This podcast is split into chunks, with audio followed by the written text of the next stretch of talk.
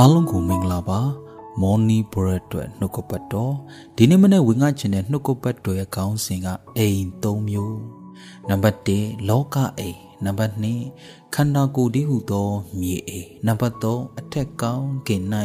ဖျားခင်ပြင်ဆင်ထားတဲ့ထာဝရအိမ်နံပါတ်1 လောကအိမ်တမန်တော်ဝတ္ထုခန်းကြီး7ခွန်အငယ်25 26ဘုရားသခင်သည်ခတ်သိမ်းသောသူတို့အားဇီဝသက်နှင့်တကွထွက်သက်ဝင်သက်မှဆ၍ခတ်သိမ်းသောသူတို့ကို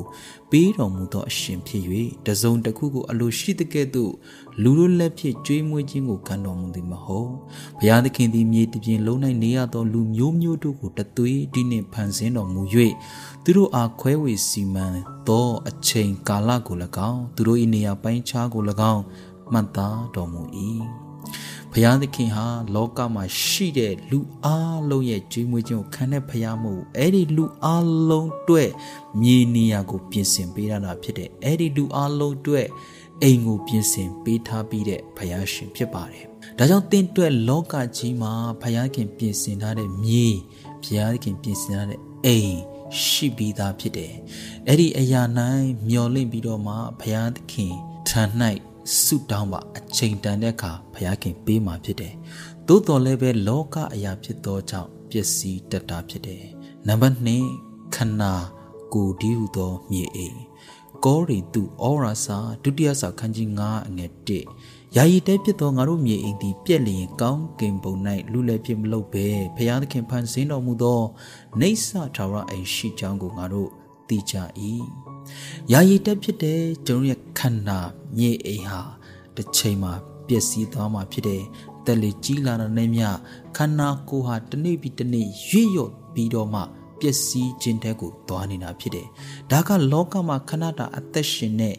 ယာယီပဲဖြစ်တယ်ချစ်တော်မိဘညီကိုမောင်မများဒီကျွန်တော်ရဲ့ဘဝအတ္တတာထဲမှာလောကအိမ်အတွက်အလှဆင်ကြတယ်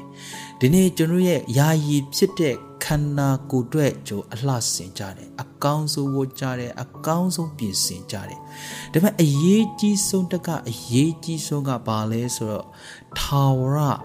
ကောင်းကင်အိမ်ဖြစ်တယ်ဘုရားခင်ဟာတင့်အတွက်ထာဝရအိမ်ပြင်ဆင်ထားပြီးသားဖြစ်တယ်။တင်းရဲ့အတ္တတာ၌တင့်ထာဝရ အိမ်ကိုဘလောက်ထိသင်အလှဆင်ပြီးပြီလဲ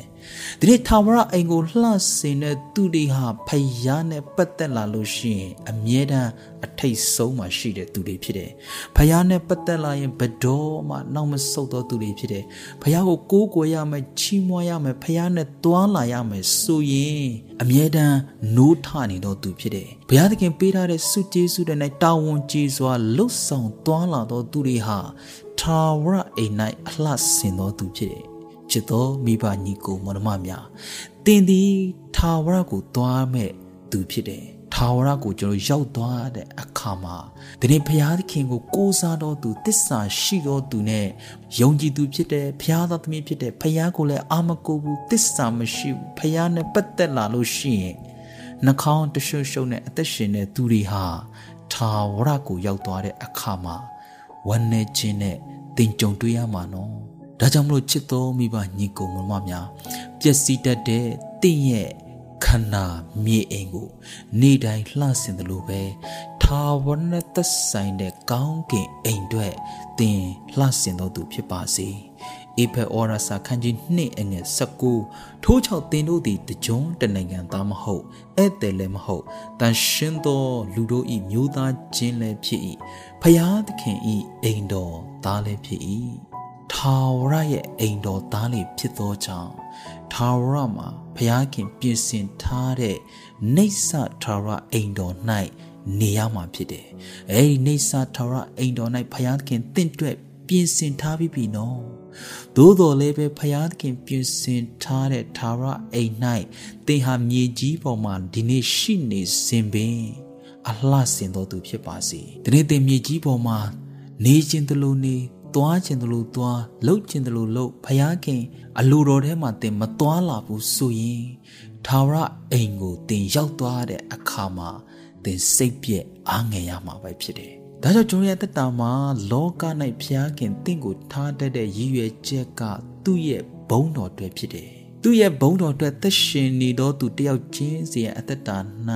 ကောင်းကင်ဘုံမှာဘုရားသခင်ဟာဒါတုတစ္ဆာရှိသောငယ်သားကောင်းဖြစ်တဲ့ဘုရားရှင်တင့်ကိုခေါ်သည်တာမက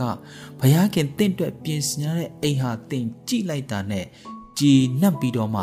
ထာဝရဝမ်းမြောက်ခြင်းရှင်လန်းခြင်းတဲ့ကိုတင်ဝင်စားမှာဖြစ်တယ်ဟာလေလုယာ ဒါကြောင့်မို့ကျွန်ရဲ့အသက်တာထဲမှာလောကအိမ်ရှိဖို့ဘုရားခင်အလိုရှိတာဖြစ်တယ်။တင်းရဲ့ခန္ဓာကိုယ်တည်သောမြေအိမ်ကိုလှဆင်ဖို့ဘုရားခင်အလိုရှိတာဖြစ်တယ်။ဒီနေ့ထာဝရသက်ဆိုင်တဲ့တင့်အတွက်ဘုရားခင်ပြင်ဆင်ထားတဲ့ထာဝရအိမ်ကိုတာ၍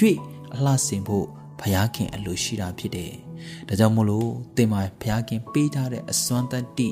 စုကျေးဇူး အားလုံးဖျားရှင်ဘုန်းတော်အတွက်သုံးပြုတော်သူများဖြစ်ပါစေလို့ဝေငှအားပေးပါတယ်အရောက်စီတိုင်းကိုဖျားသခင်ကောင်းချီးပေးပါစေ။